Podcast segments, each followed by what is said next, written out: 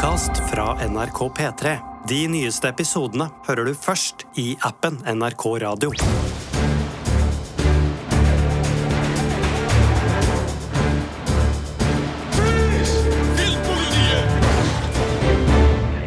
Velkommen til Filmpolitiet med Sigurd Vik, Birger Vestmo og Ingvild Dybfest Dahl.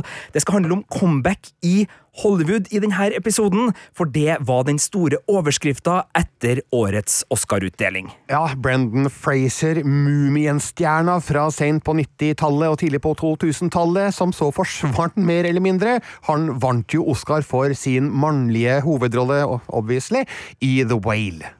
Og Ki Hoi Kwan, som vi jo hadde sett i både Indiana Jones og The Goonies for eh, mange, mange år siden. Han har jo slitt med å få roller i alle årene, men han fikk den revansjen og vant beste birolle og leverte tidenes mest rørende tale. Dreams are something you have to believe in. I almost gave up on mine. To all of you out there, please keep your dream alive. Det var en nydelig uh, takketale. Og det her er jo to skuespillere som begge var store stjerner på henholdsvis 80-tallet eh, og rundt millenniumsskiftet, men som begge har forsvunnet som dere på, eh, litt bort fra rampelyset, før de da dukka opp i to Oscar-vinnerroller. Og I denne episoden så skal vi hedre de to uh, skuespillerne, og så skal vi komme med noen andre uh, personlige favoritter fra comeback i Hollywood som har gjort eh, inntrykk, og som også selvfølgelig resulterer i eh, ting som det går an å tipse om at det skal ses. Eh, Men la oss starte med, med skuespillerne, og da starter vi med Brenton Fraser.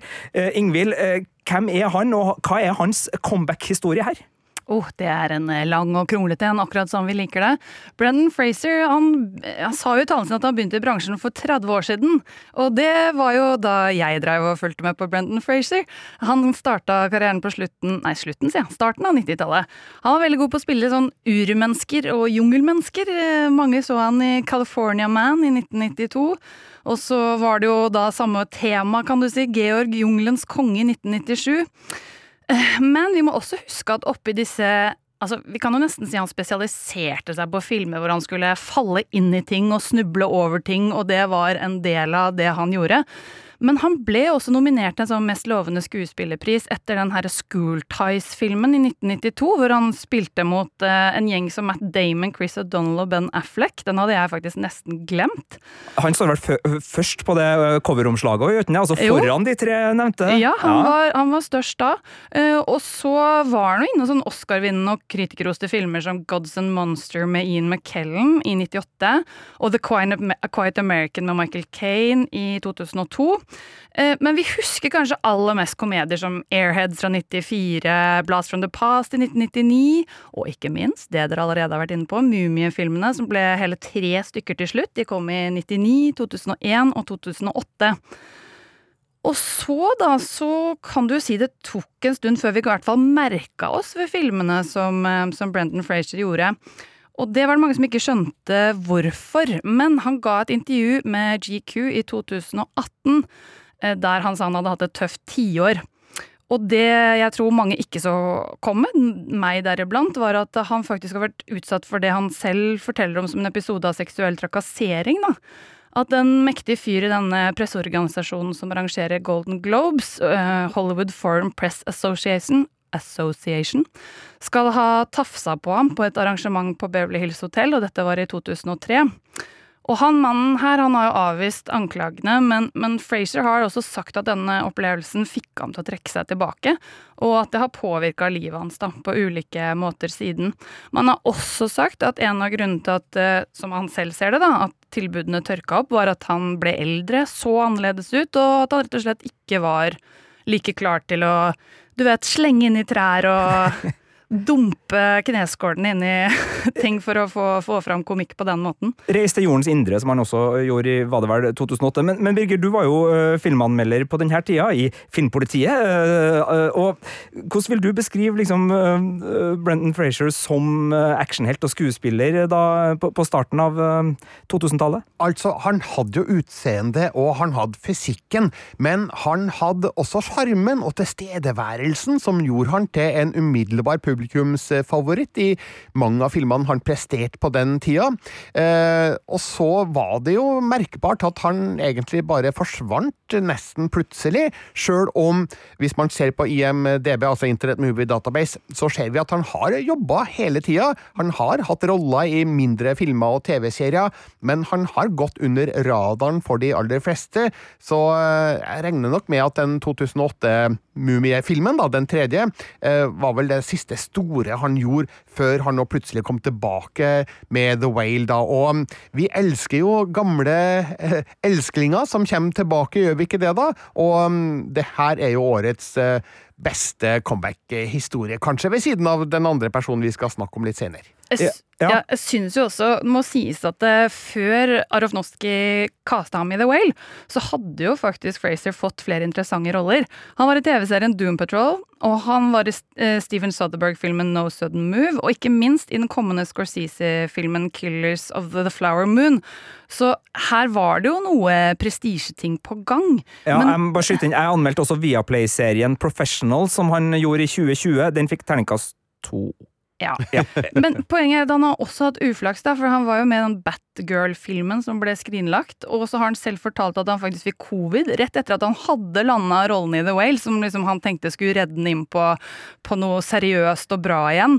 Eh, Og han var kjemperedd for at Aronofsky bare skulle droppe den, og at han ikke fikk den rolla. Men eh, han ble dekka over, og de venta til han var frisk igjen til, å, til at han kunne spille inn, da. Så tenk på liksom hvor, hvor nære på det var at han faktisk ikke fikk denne rollen.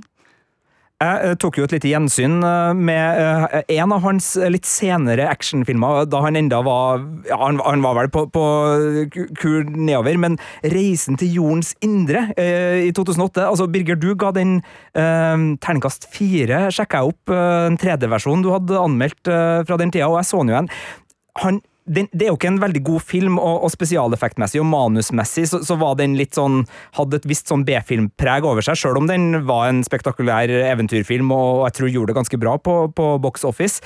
Men, men han var jo fremdeles den kvikke eh, Du sa det, Birger. altså Han har en sånn en sånn et sånt vesen, og han hadde liksom det. Så, så, så ut fra den så, så framsto det litt eh, merkelig at han forsvant. Men jeg husker han jo fra sånn TV-roller underveis. Han spilte jo blant annet i Scrubs, hadde en eh, birolle der som jeg syns var, var veldig koselig. Og han har jo liksom vært der litt, men, men han har liksom ikke tatt de rollene som en uh, actionskuespillere av hans kaliber da på, på starten av 2000-tallet man kanskje forventa. Men så kommer han da tilbake med The Whale, og uh, det var jo spesielt en visning i, på filmfestivalen i Venezia som kanskje uh, ga noen forventninger til hvor stort det her kan bli, og der var jo du, Birger. Ja, jeg var i Venezia, men ikke på den visninga du snakker om, fordi jeg så pressevisninga tidligere på dagen, men på kvelden så var det jo gallapremiere. Fullstappa sal, og da filmen var over, så brøt det ut en dundrende applaus som varte og rakk, og faktisk på et tidspunkt så, så reiste Brendan Fraser seg for å egentlig gå, men han skjønte at ja, men her kan jeg jo ikke gå, for de slutter jo ikke å applaudere meg, og det ble grining, og det ble en YouTube-video som gikk sin seiersgang i sosiale medier, og jeg tror at det var veldig mange som der og da oppdaga at eh, Brendan Fraser fremdeles er med oss, eh, faktisk. Og som fikk litt sentimentale, nostalgiske følelser for stjerner man huska fra alle de filmrollene fra 15-20 år tilbake i tid. Og eh, jeg tror det var mange som unna han eh, dette comebacket og denne anerkjennelsen etter å ha gått under radaren i så mange år, og etter å egentlig ikke ha vært noe kritiker-darling heller i noen av sine tidligere filmer. I den eh, filmen du nevnte, altså Journey to the Center of eh, Earth eh, fra 2010, så skrev jeg at eh, jeg vet at Brendan Fraser ikke er verdens mest kritikerroste skuespiller, men jeg har alltid likt hans gutteaktige sjarm på filmlerretet. Og det er jo bare et tegn på hvilken posisjon han kanskje hadde blant eh, oss kritikere på den tida. Og eh, det gjør det vel enda mer søtt for han nå å få den her vanvittige anerkjennelsen i form av flere priser, krona med en Oscar-statuett. Ja, og det er klart, Vi er mange som, som liker en god comeback-historie, så det har jo selvfølgelig også spilt inn her på, på litt sånn narrativet rundt. Og det ble jo hjulpet av at sånn cirka ja, litt før, egentlig, da, men, men også liksom underveis, når man begynte å, å kjenne på filmhøsten og det begynte å nærme seg award season, så var det en annen skuespiller som var stor da på, på 80-tallet, som barneskuespiller, som også hadde spilt i en film som het Everything Everywhere All At Once, og, og gjort et comeback som også begynte å få en, en viss uh, popularitet og en viss oppmerksomhet for den rollen. Uh, Ki Hui Kwan, altså, hvem er det, Birger, og hva er hans comeback-historie her? Altså, han er en 51 år gammel mann som ser ut som han er 31 én, eh, fremdeles uforskamma ung til sinns og utseende, men han eh, er altså opprinnelig fra Vietnam. Han eh, innvandra med familien til USA i 1979. Og på en skole der ble han oppdaga av noen som var ute etter skuespillere til Indiana Jones and The Temple of Doom. Og han fikk rollen eh, som short round. En minneverdig performance. En utrolig kvikkas eh, sjarmør med eh, taletøyet i god behold, og med også de fysiske egenskapene til å være en actionhelt i en veldig liten kropp. Og det var jo et brakgjennombrudd. Jeg husker jo fra den gangen at vi ja, vi, vi beundra Kehu Kwan for um, den rollen han gjorde i Temple of Doom, og han um, ga jo den filmen um, et lag av humør som uh, Harrison Ford kanskje ikke greide å få til på egen hånd, men uh, det var et veldig godt tospann som fungerte utrolig godt i den filmen der. Og så gikk det uh, to år, det var kanskje tre, så spilte han en lignende rolle i The Goonies, som i Norge het Dødningehodegjengen. Ja, veldig god oversettelse. Ja, veldig god oversettelse, og faktisk en film som jeg ikke så på kino den gangen, uvisst av hvilken grunn for min del. Eh, det, det, det, var litt vanskelig å få oversikt over hva som fantes av film på den tida, og ofte så var det filmer på kino som gikk bare en ukes tid før du hadde egentlig registrert at uh, filmen eksisterte. Så den, den oppdaga jeg på VHS på et uh, senere tidspunkt.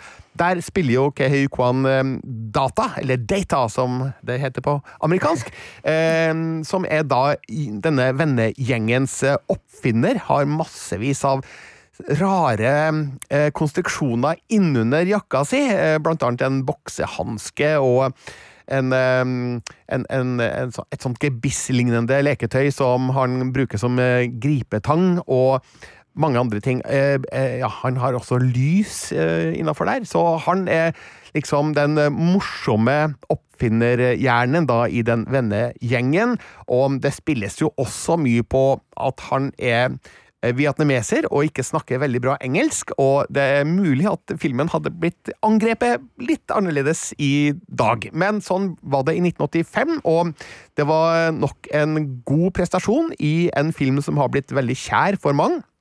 Eh, jeg så den faktisk eh, på nytt i går, når dette spilles inn. Hadde et veldig godt gjensyn med filmen og med skuespillerne, og spesielt da Ke Kwans uh, unge utseende. Han uh, brakt det samme til den filmen som han gjorde til Temple of Doom. Altså humøret, de kvikke replikkene, liksom det, det, morsomme nærværet.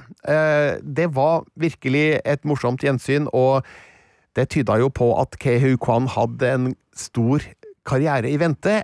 Og så skjedde jo ikke så veldig mye etter det.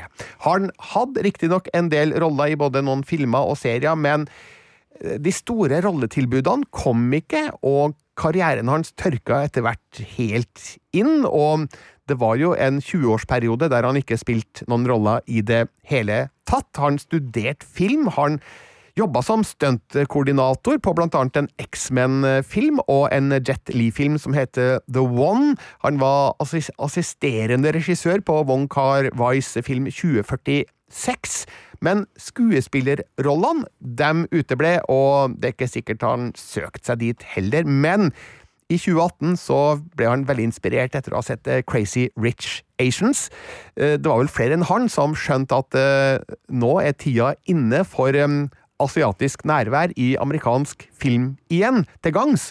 Og det var vel i forbindelse med det da at eh, Daniel Kwan, en av uh, The Daniels, som laga Everything Everywhere All At Once, uh, ja, i, bunn og grunn oppdaga Kehui Kwan på Twitter og um, inviterte han til prøvespilling, og ja, The rest is history, som det heter. Han fikk rollen som Wayman i Everything Everywhere All At Once, og gud bedre for en comeback-historie det har vært. altså Han fikk jo blant annet en Golden Globe-pris. Han fikk en Screen Actors Guild Award, og det krona seg altså da med Oscar for beste mannlige birolle, og ja, årets kanskje morsomste og mest rørende takketale. Ja, og, og, det er jo noe, noe rundt uh, de to historiene her som, som gjør dem ekstra fine. Altså, Én ting er jo at de begge spilte i filmen NCO Man, eller California Man, i 1992. Uh, noe som er bare en litt sånn snedig tilfeldighet at både Brendan og, og Key dukka opp der. Jeg tror jeg så den uh, en gang på 90-tallet, men, men, kan ikke helt huske den. Har du, eller Ingvild eller Birger, den hukommelsen? Jeg mener at den handla om en steinalderfyr som var fryst ned i isen, og som tina på om det var uhell eller ikke, og så måtte da finne ut hvordan man skulle leve i eh, dagens samfunn. Det er alt jeg kan hoste opp fra min hukommelse. Ja, jeg tror at jeg har sett den på VHS, men det er såpass mange år siden at jeg husker ingenting fra den. Nei, og det er jo dessverre sånn at den var ikke lett å spore opp heller. Jeg prøvde uh, å få se den denne uka her, men, men den var ikke uh, umiddelbart tilgjengelig på strømmetjenester. Men, men det er nå en uh, litt sånn kuriositet. Men de to skuespillerne og, og The Whale og Uh, Everything Everywhere All At Once har jo vært på uh, en runde av uh, utdelinger hvor de sammen har vunnet priser, og det har jo oppstått en sånn forbrødring hvor Brenton Fraser, Fraser, har fått bli med på bildene sammen med hele gjengen fra Everything Everywhere All At Once. De omtaler det som et multivers, for det er jo naturlig da med tanke på tematikken i Everything, hvor da det her har skjedd som en sånn jøss, i en verden hvor vi gjør comeback. Det var mine ord, ikke deres, men og så skjer skjer det jo ting også på Oscar-utdelinga som bare gjør at tilfeldigvis så skal Harrison Ford ja. dele ut prisen. Ja, nå ble jeg rørt. Jeg, jeg, jeg ble så rørt under Oscar-utdelinga. Det var så nydelig å høre både de talene, men altså Det øyeblikket hvor Harrison Ford kommer opp på scenen, og eh, hans eh, tidligere kollega bare spretter opp med Åh! Var, jeg vet at du er mindre lettrørt enn meg, Viggy. Kan ikke du ta over her? Du må ikke påvirke meg, for jeg er lettrørt. ja, nei, men da får, jeg, da får, jeg, ta nei, men... meg av det her, da. Men det, det, var jo virkelig et morsomt eh, gjensyn. Og de hadde jo møttes også tidligere under dette Oscar-kappløpet i en annen sammenheng. Så det er klart at det er et hjertelig gjensyn når to stykker som har den historien bak seg som de har, da, eh, når de møtes igjen i den settinga her, så er det helt klart noe veldig spesielt. Men jeg har jo sett flere reunion-fotos fra Oscar-utdelinga, annet Steven Spielberg og Kate Capshaw, kona hans, som jo spilte i Temple of Doom, sammen med Kehu Kwan. De gjenskapte et bilde fra den gangen under Oscar-utdelinga, som også har gått rundt på sosiale medier. Og det er mange som unner Kehu Kwan den suksessen han har nå. Det som jeg er spent på, er kan Brendan Fraser og Kehu Kwan om, ja, altså, kan de omsette denne Oscar-suksessen til noe som vare, eller er det her bare et sånt blaff? Et øyeblikk, eh, noe som er morsomt akkurat her og nå, og så har vi glemt det til sommeren, liksom. Eh, hvilke roller skal de greie å få på bakgrunn av det her? Vi vet jo at eh, Brendan Fraser spiller jo, som du sa, Ingvild, i Killers of the Flower Moon, da, den nye filmen til Michael, unnskyld, Martin Scorsese, mens Kehu Kwan gjenforenes jo med Michelle Yeoh, som også vant Oscar i år, i Disney Pluss-serien American Born Chinese, som kommer da 24. mai. Men eh, hva som eventuelt skjer etterpå, det gjenstår å se, og det er jeg spent på, for jeg unner begge to suksess, men eh, veit ikke helt hva slags markedspotensial de har, da, for å være veldig kynisk her. Spesielt Brendan Fraser har et hva skal vi si her, da, for å være snill, et, et, et utseende og et litt grovere mål nå enn han hadde i sine glansdager, som gjør at han kanskje ikke er brukbar i alle mulige roller, men uh, til den rette rollen så um, kan Brendan Fraser virkelig sparke fra seg som skuespiller fremdeles. Jeg tror jo fordelen som Kay har, da, er at han har vært så jovial og ekte på sosiale medier og gått viralt, fordi han driver jo fremdeles, også etter Oscar-festen, og tar bilder på disse festene og skriver sånn 'Se så mange kjendiser jeg møtte'. Eh, etter at han selv har stått og tatt imot denne gullstatuetten, så står han der og bare 'Se på kjendiser', og det har han gjort hele veien. Hvis du har fulgt ham på Instagram, så står han og peker, er han med en kjendis, og så står han og peker på kjendisen med et kjempesmil. Så han gjør seg selv det er liksom noe veldig ydmykt og noe veldig jovialt og appellerende til den der amerikanske drømmesuksesshistorien, da. Som jeg tror i hvert fall i USA vil gi han ganske mye oppdrift i tiden framover. Ja, Det er i hvert fall noen lettrørte her i Norge som, som unner en uh, mye godt, og som har lyst til å se en igjen. og jeg tenker jo Fordelen for begge to her da, er jo at de har vist at de både behersker uh, Hollywoods sjangerfilmer, både action og, og eventyr og, og, spenning, men også har vist kvaliteter som dramaskuespillere, uh, da selvfølgelig i The Whale. Og jeg syns også i Everything Everywhere All At Once så, så ser vi at Key er en dramaskuespiller med det registeret. Så, så, jeg tenker jo at her er verden åpen. Så får vi se da hva resultatene blir. Resultatet var i hvert fall per nå to av de eh, mest hjertevarme og hyggeligste comebackene jeg kan huske å ha opplevd i Hollywood, og det at de fikk fortelle sin comeback-historie sammen gjennom å vinne masse priser for to roller som var såpass uh, gode, i henholdsvis The Whale og Everything Everywhere All At Once gjorde det jo til en enda bedre Hollywood-historie, hvis vi skal være såpass cheesy her på, på, tampen. Ja, og hvis jeg skal være litt slem her nå, da, så lurer jeg jo også litt på om Sjølve comeback-historien er en del av årsakene til at begge vant. For Oscar-akademiets medlemmer de er helt sikkert like glad i comeback eh, som det vi er, og eh, det er mulig at eh, flere øyner en anledning til å få fortalt en hyggelig, morsom historie i form av å stemme på noen gode, gamle helter. Jeg håper jo at det ikke er en hovedårsak til at begge vant sine Oscar-priser, men du skal ikke se bort ifra at det kan være en del av det store bildet, da. Det er bra du holder oss litt nedpå med litt kynisme og, og filmkritikerblikk her, Birger. Det er veldig bra. Men eh, vi skal snart eh, ta en, en runde med noen favorittcomeback. Men, men det er jo såpass mange varianter av comeback i Hollywood at jeg tenkte vi må bare gå gjennom litt, bare for å, å uh, skildre landskapet vi opererer i her. Og uh, da kan vi jo starte med den her barneskuespiller gjør comeback som, som Ki Hui kan... uh, oh, det var radbrekking av navn, eh, beklager. Eh, Ki Hui Kwan uh, gjorde. Der vil jeg jo trekke fram Drew Barrymore som et annet eksempel, som da også med Steven Spielberg-hjelp gjorde det veldig bra i ET. Og så gikk det jo en del år før hun da kom tilbake. Jeg vil kanskje si at Scream, altså den første Skrik-filmen, og en del sånne roller på, på midten av 90-tallet var første steg, og så da videre til Charlies Angel og, og det å være hovedrolle i, i Hollywood. Så det er jo flere som har gått den veien. men i andre enden så har vi jo skuespillere som legger opp. altså Arnold Schwarzenegger har gjort det. Uh, Jamie Lee Curtis, som også vant eh, Oscar uh, nå, hun hadde også gjort det. Hun hadde en periode i, i midten der. Joe Pesci, uh, kjent fra en del mafiafilmer, har gjort det.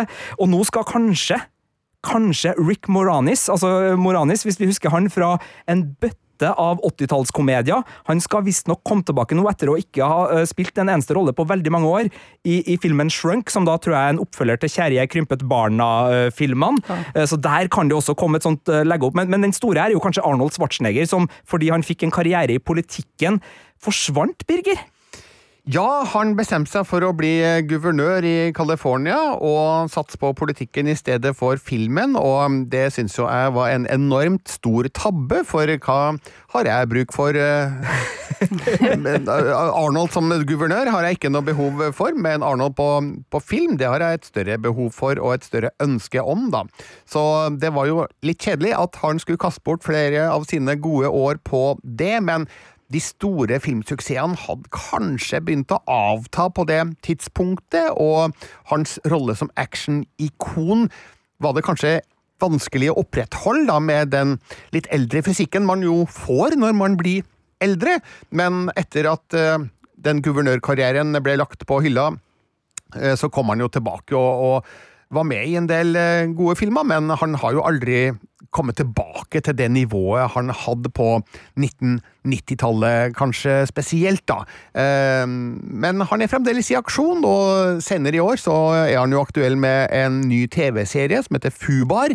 Ehm, som eh, tegner til å bli en interessant affære, basert på den lille traileren vi har sett så langt. Da. Så han er fremdeles eh, med oss, eh, så vi skal bare sette pris på hver nye ting han orker å bidra med, men hans glansdager ligger nok litt tilbake i tid, da. Ja. Eh, Han tilhører jo også eh, en annen kategori, altså gamle helter som, som bare har blitt eh, eldre.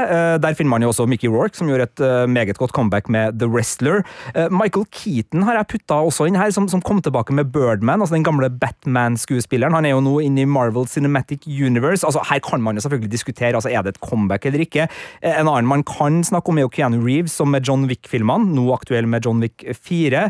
Men altså mellom Matrix og John Wick 1 så var det jo ikke bare store roller for, for den eh, ofte sortkledde actionhelten, så, så det er jo noe der. Men en eh, sjanger som jeg syns er interessant, er jo TV som comeback.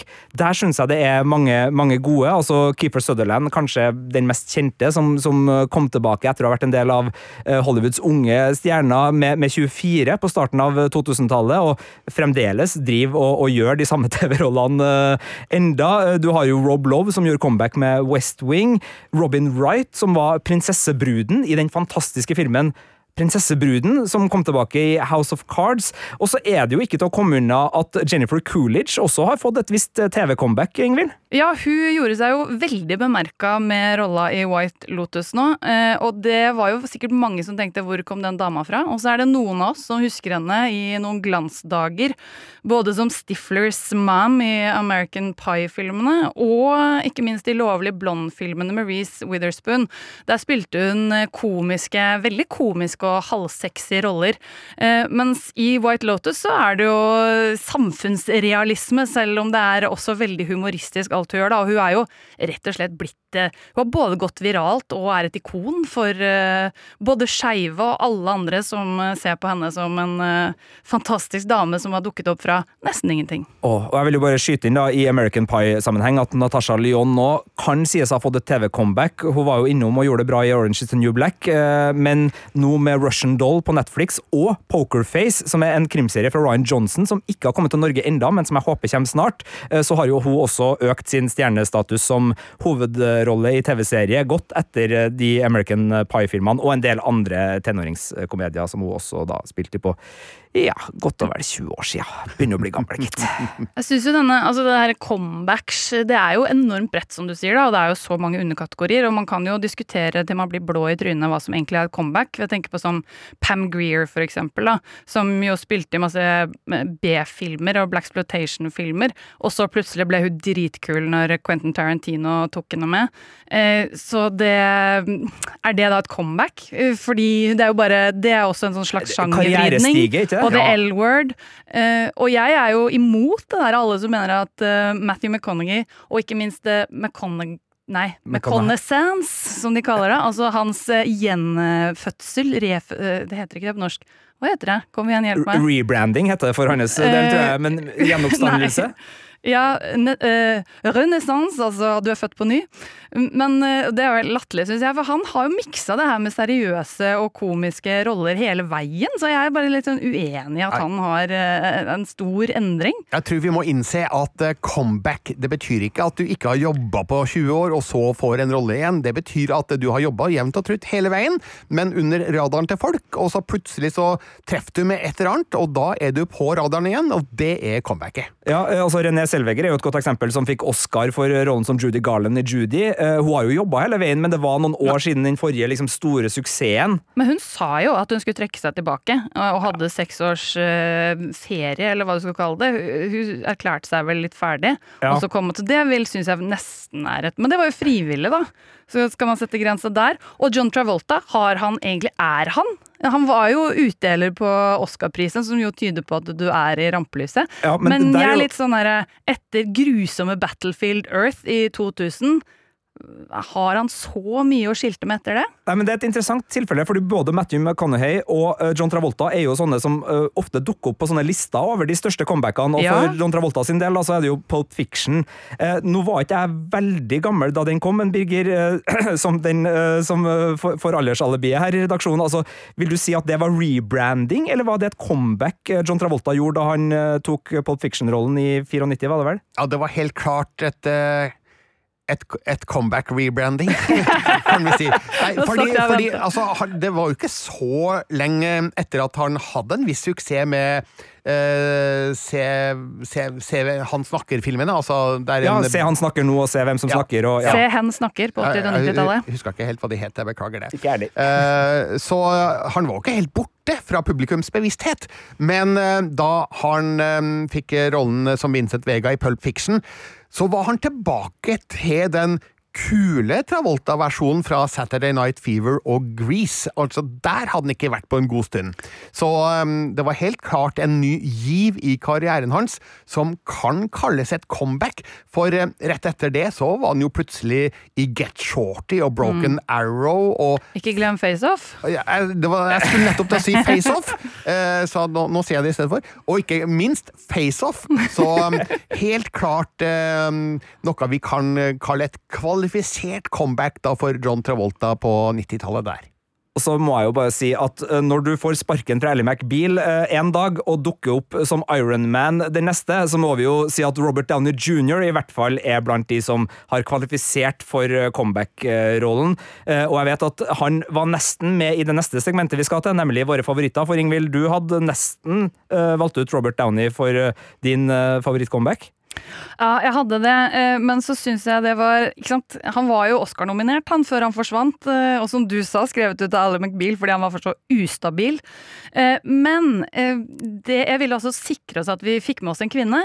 Og så syns jeg også Robert Downey jr.s historie minner om omtrent hele Brat Pack på den tida, som har gjort comeback etter rusproblemer og avvenning. Så jeg syns det var litt uoriginalt, så derfor landa jeg på Winona Ryder. Ja, og da er vi over i eh, det segmentet som da er vår favorittrunde. Og siden du nå eh, nevnte det, så skal du få lov til å, å fortsette i, i den rollen. Altså, hvem er din, eh, ditt eh, favoritt-Hollywood-comeback, Ingvild? Eh, Litt spoiler-alert har vi jo fått. Ja, det er altså Winona Ryder! Og dagens unge, eller dagens generasjon, vil kanskje huske henne fra Stranger Things, der hun har spilt moren til Will og Jonathan i fire sesonger så langt. Men Winona var altså en filmstjerne på 80- og 90-tallet, eh, fra hun sjøl var 17 år, noe jeg syns er ganske imponerende. Jeg huska ikke at hun var så ung, jeg. Og ikke bare så har hun et fancy navn, hun var også forlova med Johnny Depp, en annen stor helt eh, som vi vel ikke ennå har gjort noe comeback på, i hvert fall rykteskalaen, men eh, vi får se. Og eh, Winona spilte altså i de kuleste filmene, som Beetlejuice og Heathers, det var i 88, Edvard Saxon og Mermaids, begge to i 1990, og Reality Bites i 1994. Og i tillegg til det, at hun eh, liksom seg inn i alles eh, hjerter med litt sånn eh, humor og mørk humor, som det var i et par av disse, så spilte hun jo også i dramatiske roller, som i Dracula i 1992, Uskyldens tid og Little Women. Og både Uskyldens tid og Little Women var hun faktisk Oscar-nominert for. Og så bytta hun plutselig sjanger til noe uventa for oss, mange av oss, tror jeg, med sånn action, sci-fi, Alien-oppstandelsen i 1997. Og ikke minst eh, det biografiske dramaet Girl Interrupted, da, som på norsk het den rare tittelen Stjålne år, som kom i 1999. Så stoppa det jo litt opp, da. Eh, og det er rett og slett fordi Eller én av grunnen er at i 2001 så ble Ryder arrestert etter å ha stjålet klær til rundt 55 000 kroner fra Saks Fifth Avenue i Beverly Hills, altså fancy eh, department store, som det heter på norsk. Eh, og det gikk også rykter om flere typer reseptbelagte medisiner i veska hennes, men det er altså ikke bekrefta på noe som helst vis.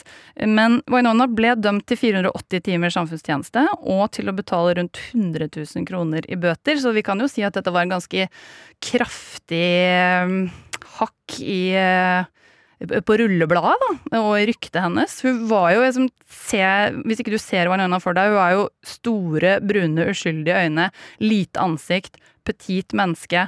Eh, Hun ser veldig uskyldig og god ut, så det at hun skal liksom begynne å naske klær, hun som alle tenker at eh, hun har vel nok penger, hvorfor skal hun gjøre det? Det var noe veldig usympatisk der.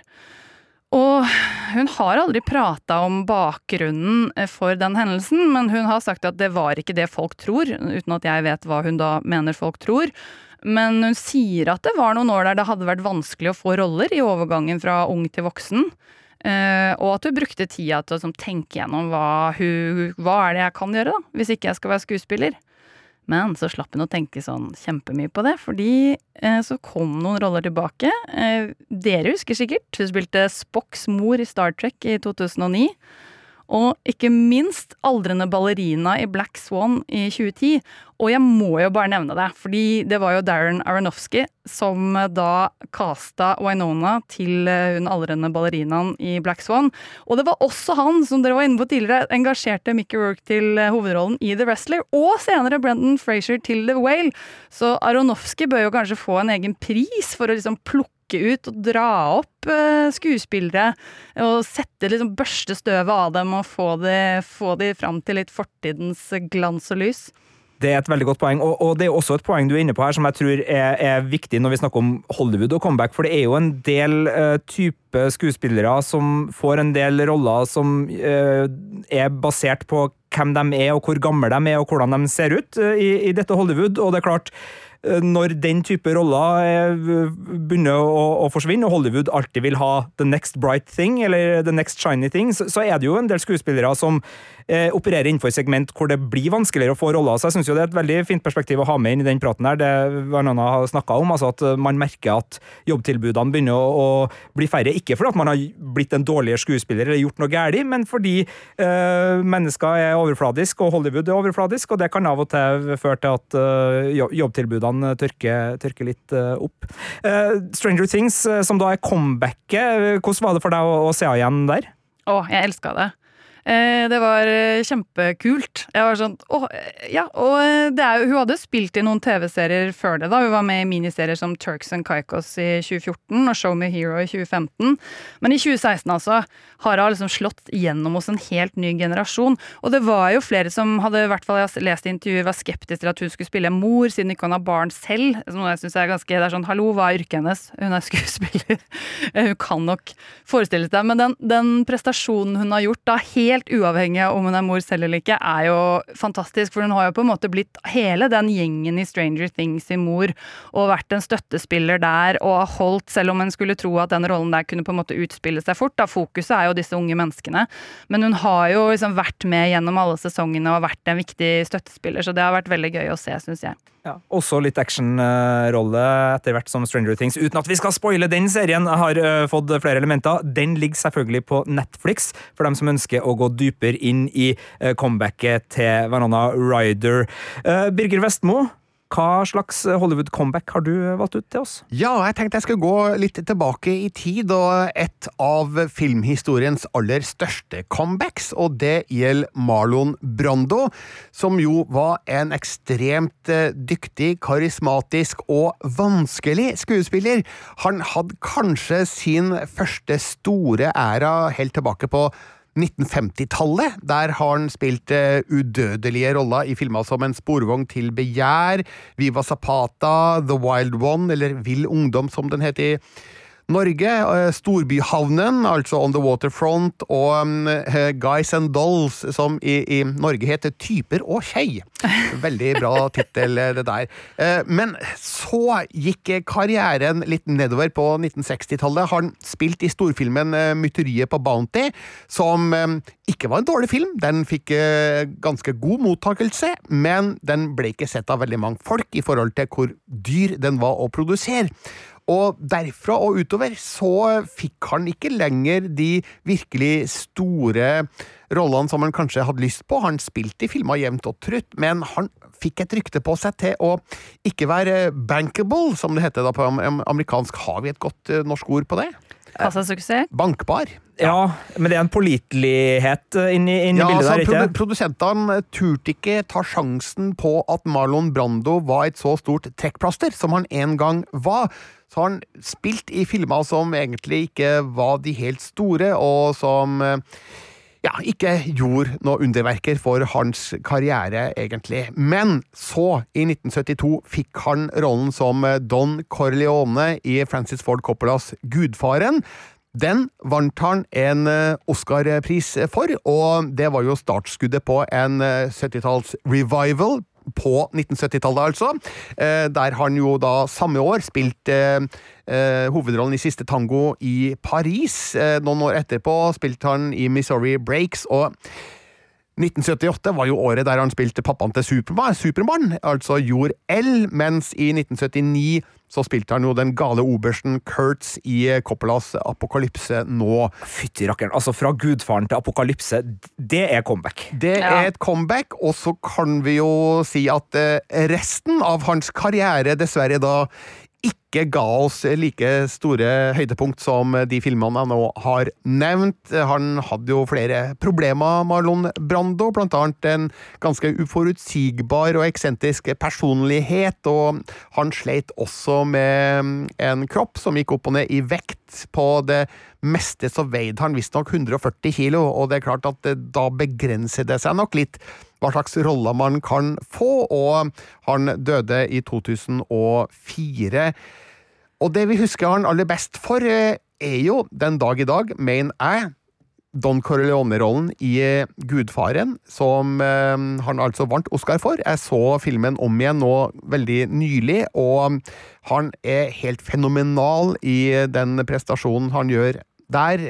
Virkelig en figur som du husker. Eh, han har flere minneverdige replikker som i en annen skuespillers munn kun har hørtes litt teit ut, men når eh, Brando sier dem, så tror du på dem, og han har den eh, autoriteten som en eh, mafiaboss kanskje bør ha i en slik film, og det er ikke uten grunn at den rollen omtales som et av filmhistoriens aller største comebacks. Så du har ikke tenkt å gjenta noen av replikkene? Du skal bare nevne at de eksisterer her? Ja, jeg føler at hvis jeg skal prøve meg på noen av de, så blir det litt sånn eh, dialogvoldtekt. Det er greit, de, de fleste kjenner det jo. Men, men altså, det, jeg husker jo at Brando var såpass vanskelig at angivelig så skal Burt Reynolds, en annen comeback-skuespiller som gjorde et nydelig comeback med, med Boogie Nights, han skal visst ikke ha fått rollen som Michael Corleone, som da Al Pacino fikk, fordi Brando ikke likte Burt Reynolds på den her tida. Burt Reynolds var jo stor på 70-tallet med filmer som Smokey and the Bandit og hadde spilt inn Piknik med døden og sånne ting, men det her er jo ikke en Burt Reynolds-podkast. Nå gikk jeg feil. Jeg skulle jo inn Hvor er Burt Reynolds-podkasten? Ja, borti Men, gangen eh, her, tror jeg. det jeg kan si, er at jeg en gang har lest at eh, Al Pacino, som spiller Michael Corleone, ikke var helt trygg eh, på å få fortsette eh, den rollen under innspillinga, fordi Coppola ikke var fornøyd med hans innsats i startfasen. Men der var det visstnok Marlon Brando som gikk inn og eh, overtalte, eller forsikra, Coppola om at eh, Al Pacino var rett mann til rollen. Og det endte jo opp med en eh, kjemperolle for Pacino og braksuksess for filmen, som jo da ble videreført i Gudfaren del to to år etterpå. Ja, og jeg fikk verdens sprøeste, eh, verdens sprøeste bildress, og verdens aller sprøeste bildress eh, fra Burt Reynolds, som også visstnok skal ha takka nei til både Han Solo og James Bond. Mer om det her i Burt Reynolds-podkasten, som ikke blir laga, men som dukker opp i veldig mange andre podkaster.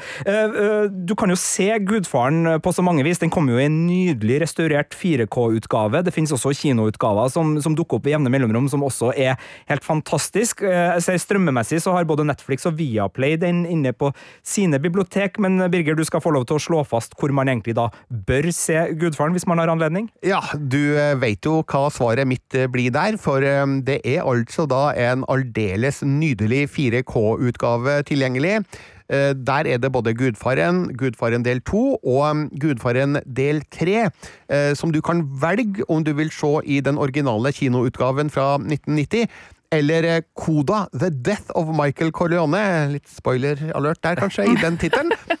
Som jo da er en omredigert versjon som kom for noen år siden, som er da Francis Ford Coppolas eh, utgave, slik han kanskje egentlig ville at den skulle være i sin tid, men av ulike årsaker så ble det ikke helt eh, sånn. Eh, men den 4K-versjonen, den er så utrolig godt restaurert eh, at man virkelig får alle nyansene i det eksepsjonelle fotoarbeidet som Gordon Willis gjorde den gangen, i både film nummer én og film nummer to. Ja, her vil jeg bare skyte inn, altså, se rommene som uh, stilles til skue i Gudfaren. Se hvor utrolig lekre kulisser og hvor utrolig vakkert de er fanga. Altså, det var noe av det når jeg fikk se Gudfaren på, på nytt igjen. eh, Så var det jo gjort ting med dem som gjorde at du liksom virkelig fikk romfølelsen. Og du så det som kanskje har vært et litt sånn mørkt område, var plutselig eh, mulig å se hva som faktisk var der. Og det, det er så vakre, lekre vakre tidskolorittbilder i de filmene at det er til å grine av, men ikke grin, for da går du glipp av eh, viktige detaljer. Så, så ja. Nemlig. Og The Goonies, som jeg snakka om eh, litt eh, tidligere, den er til kjøp og leie stort sett overalt, men også den har kommet i en 4K-utgave som ikke er så verst. Og jeg har den på VHS, Birger, så Ja. vi kan se den i lag. Jeg tror til og med jeg har den på laserdisk. Det er ikke denne podkasten! Beklager, beklager. Eh, Da er min uh, siste uh, comeback et, uh, det, det siste som skal, skal på her, men det er også noe som starter på 80-tallet, men som ikke er helt ferdig ennå. Fordi på Netflix i løpet av 2023 så får vi finalesesongen av serien Kobra Kai, som da får sin sjette sesong, og som da følger opp de tre eller fire, spørs hvordan du regner, Karate Kid-filmene eh, fra det glade 80-tall, eh, hvor da eh, Ralph Macchio spilte The Karate Kid, eh, og Johnny Lawrence, hans nemesis, eh, spilles av William Sapka. Og her er det mange anledninger til å snakke om et comeback. Uh, bare først skyte inn at Cobra Kai er en fantastisk uh, actionkomedieserie som alle bør se hvis de ikke har sett den. Den uh, er helt nydelig. Men uh, Og en meg comeback i seg selv. et comeback i seg sjøl, absolutt. Men for meg så starta det her comebacket i en TV-serie som heter How I Met Your Mother. Og det er fordi William Sabka øh, han spiller jo skurken, øh, vil mange si, i Karate Kid. Men øh, for rollefiguren Barney Stinson, som øh, da er i How I Met Your Mother, så var han alltid helten i Karate Kid. Det var han som var Karate Kid, og så var det Ralph Macchio, den her jyplingen som kommer inn til byen og ødelegger for Johnny Lawrence, som er skurken i denne filmen. Og det er jo en artig vridning og en artig take på, på en film. Og i How I Met Your Mother så blir det en veldig sentral øh, plottråd i uh, de to siste sesongene, egentlig, men spesielt da i, i den nest siste sesongen, hvor et utdrikningslag, hvor både William Sapka og Ralph Macchio spiller seg sjøl, dukker opp og, og gjør den tvisten til en, eh, en underdog-historie i stedet for en skurkehistorie, og hvor vi får se da William Sapka i den ikoniske Kobra Kai-karate-uniformen. Eh, skal ikke avsløre hvordan det skjer, men det er en veldig ja, jeg vil jo si rørende scene, det også, men det er klart eh, veldig lettrørt eh, her. Men det var vel i, i 2014, eh, og fire år etterpå, i 2018, så skjer det da at Kobra Kai-serien da ikke på Netflix, men på YouTube Red, som var et uh, strømmetjenesteopplegg som eh, Google og, og, YouTube drev på med, men som de har senere gått litt bort fra. Derfor så gikk serien over til Netflix fra og med sesong to, men den første sesongen kom der. Jeg og Birger vi satt jo klistra og, og skravla om den her i Filmpolitiet, og var jo veldig begeistra for første sesongen, som da tok tak i nettopp den der snudde rollene, Birger, hvor uh, William Sabkas Johnny Lawrence uh, har havna litt sånn bakpå, og minnes tilbake da den her kjipe Karate Kid-fyren kom og tok dama og slo han med et ulovlig spark i finalen på Valley State uh, Karate Championship i 1984. Ja, for plutselig så er det jo da William Sabkas figur som er underdoggen, slik Ralph Machios figur var i de originale filmene, og vi sympatiserer jo med underdoggen, gjør vi ikke det, da? Så jeg syns at serien på en måte ga eh, Sabkas figur en oppreisning, da, eh, ut ifra det vi husker fra den første filmen. Og eh, det er klart at eh, det var jo også en solfylt comeback-historie, på sett og vis, eh, som det ikke an å få en fot for, da. Eh, så det var en, en, en, en sesong som nyanserte det bildet vi hadde, eller de minnene vi hadde da, om de to figurene, eh, som gjorde at vi skjønte at eh, oi, kanskje det ikke er så svart-hvitt likevel, det her. Ja, og det er klart, eh, det her har nå blitt fem sesonger. Den sjette og siste er på vei. eh, Og denne utvidelsen har jo selvfølgelig tatt tak i mye mer av det som kalles Miyagi-verse, altså basert da på, på sensei eh, Mr. Miyagi, som var Danielsons eh, sensei. Alle dere som hører på, vet alt det her. Det er unødvendig av meg å, å nevne. Eh, Hvor veldig mange av figurene, altså rollefigurene fra de opprinnelige tre filmene eh, Det var også en fjerde film som kom på, på 90-tallet, men da var det ikke med, med Danielson som Karate Kid. Eh, de dukker jo opp og, og, gjentar jo mange rivaleri, og så er det jo et skråblikk på det hele som gjør at du får uh, gjentatt 80-tallsklisjeer når det gjelder rollefigurer, stereotypiske framstillinger av bøller og helter og alt det der, med en vri, sånn at alle er hele tida i narrativ dreining og kan uh, oppfattes på en annen måte enn de ser seg sjøl, og det gjør jo at det blir veldig ofte festlig, pluss at uh, musikken og 80-tallsreferansene hagler såpass tett at for oss som er glad i, i den type ting. Litt rock'n'roll, litt Dee Snyder på, på scenen og sånne ting. Vi får jo veldig mye eh, fra Kobra Kai-universet, som jeg bare anbefaler av hele mitt hjerte til, til alle som uh, syns det høres ut som noe. Og, og siste sesong er da ikke gitt dato, men den skal kom i løpet av 2023, og alt det her ligger på Netflix. Der ligger vel også Karate Kid-filmene, eh, hvis man trenger gjensyn med dem. Så det var egentlig det, det siste av favorittcomebackene våre. Eh, det var en god anledning til å både minnes egne favorittcomeback og gjøre stas på de to ferske Oscar-vinnerne, Brenton Fraser og Ki Ho Kwan. Og så tenker jeg jo, Vi har jo muligheten til å få litt eh, hjelp fra folk når det gjelder diskusjoner. Du var inne på det, Birger, men vi har muligheten til avstemning. Så hvis du går i appen NRK Radio, så kan du være med oss på den her. For hva skal Brenton Fraser gjøre nå? Altså, Skal han gå til actionfilmer og fortsette å jakte mumier og, og sånne ting, eller skal han sikte mot prestisjedrama og jakte flere Oscars? Det er spørsmålet du kan være med og stemme på hvis du går i appen NRK Radio, men her må vi jo kjøre en rinde, og siden Birger, du har jo snakka litt om det, altså Ingvild, hva tenker du? Hva skal Brenden gjøre nå? Jeg tror jo, i og med at han selv har sagt at uh, kroppen min orker ikke det å falle inn i trær og falle over ting og løpe gjennom ild lenger, så håper jeg jo, og det viste jo The Whale òg, at han har et stort dramatisk register å gå på. Så med det Birger sa i stad så tror jeg bare at eh, det er den veien han må gå, altså, hvis han skal fortsette å være med på dette sirkuset videre. En på prestisjedrama. Birger, hva tenker du? Ja, jeg tror også at actionhelten er død og begravet, men han kan jo gjøre noe i thrillersegmentet, kanskje, der man ikke nødvendigvis er avhengig av fysikken for å prestere en eh, spennende rolle, så der kan det også være et potensial for Brendan Fraser, men det er nok de dramatiske rollene som kanskje er det mest åpenbare da for Fraser anno 2023. Altså, øh, Dere glemmer actionskurken her, syns jeg. Som ofte er en rollefigur som er mye mer eh, tilbøyelig til å, å ikke eh, hoppe i busker. Du blir som regel slengt ned fra et tak eller et eller annet sånt til slutt i filmen, selvfølgelig.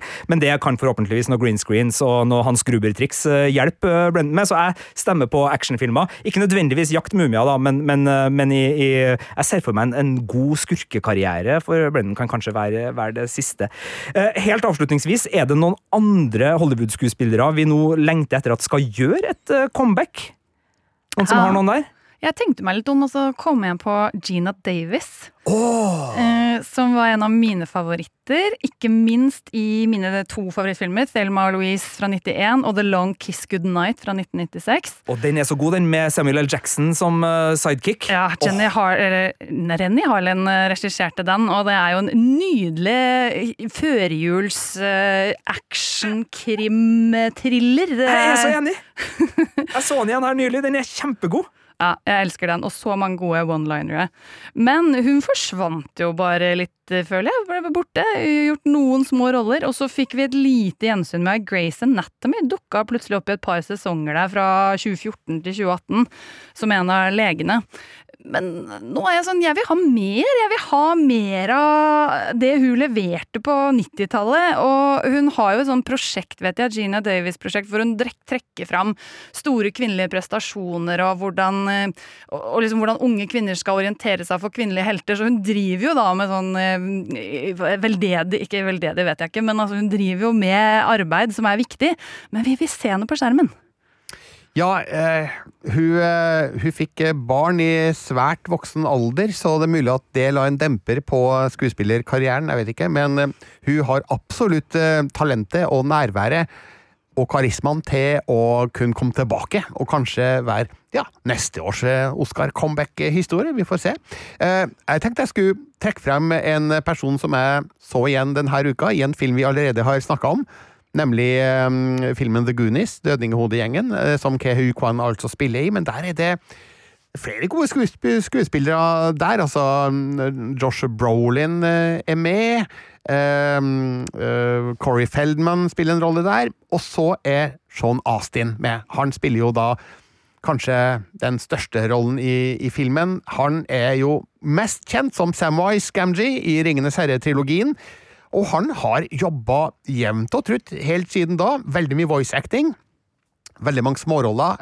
Han er overmoden for et skikkelig godt comeback på det store lerretet. uten at jeg vet hvordan det egentlig går med Sean Astin i dag, og hvordan han ser ut. Så på bakgrunn av eh, rollen i The Goonies og alle de gode minnene fra Ringenes herre-trilogien, så tenker jeg at han er eh, et godt eh, potensial der for et eh, comeback eh, som mange fans vil sette pris på. Ja, jeg så han, uh, tror jeg, i Perry Mason sesong to på HBO her uh, forleden dag. Uh, og så var han jo også innom og hilsa på Venana Ryder i Stranger Things, så vidt det var i en runde der. Men jeg er helt enig med dere begge. Veldig gode comeback-forslag. Få det på. Jeg gir min gamle skatehelt og skuespillerfavoritt Jason Lee en shout-out. kjent fra filmer som Mallrats og Chasing Amy. Mye sånn Kevin Åh, hva heter han regissøren igjen, da? Kevin Smith. Smith-filmer. og så var det jo TV-serien My Name Is Earl, da, for dem som husker den, på midten av 2000-tallet, som eh, hadde karma som bakteppe, og, og satte opp en komedie der. Eh, han er jo skater, fotograf, har ikke spilt i så veldig mye annet enn voice acting, også han da, i Alvin and the Chipmunks og, og flere ting, men han i en sånn Pedro Pascal-aktig farsrollegreie det kan jeg se for meg. Han har barten, han har uh, smilet, uh, etter hvert også hårfestet. Jeg tror det kan bli veldig fint. Og en, en uh, far som drar fram rullebrettet og drar en 360-flipp. Få det på, sier jeg bare. Det var alt i denne comeback-spesialen til Finnpolitiet. Les gjerne våre anmeldelser på p3.no – finnpolitiet, og hør gjerne på vår radiosending hver søndag på P3 mellom 12 og 3. Tusen takk for oss. En podkast fra NRK. Hei, jeg heter Gry Veiby. Føler du som meg at ting av og til går for fort? At du ikke helt får med det som skjer i nyhetsbildet? Da syns jeg at du skal høre på Oppdatert. Vi gir deg rett og slett det du trenger for å henge med. Ja, en slags snarvei til peiling. Hør alt fra Oppdatert kun i appen NRK Radio.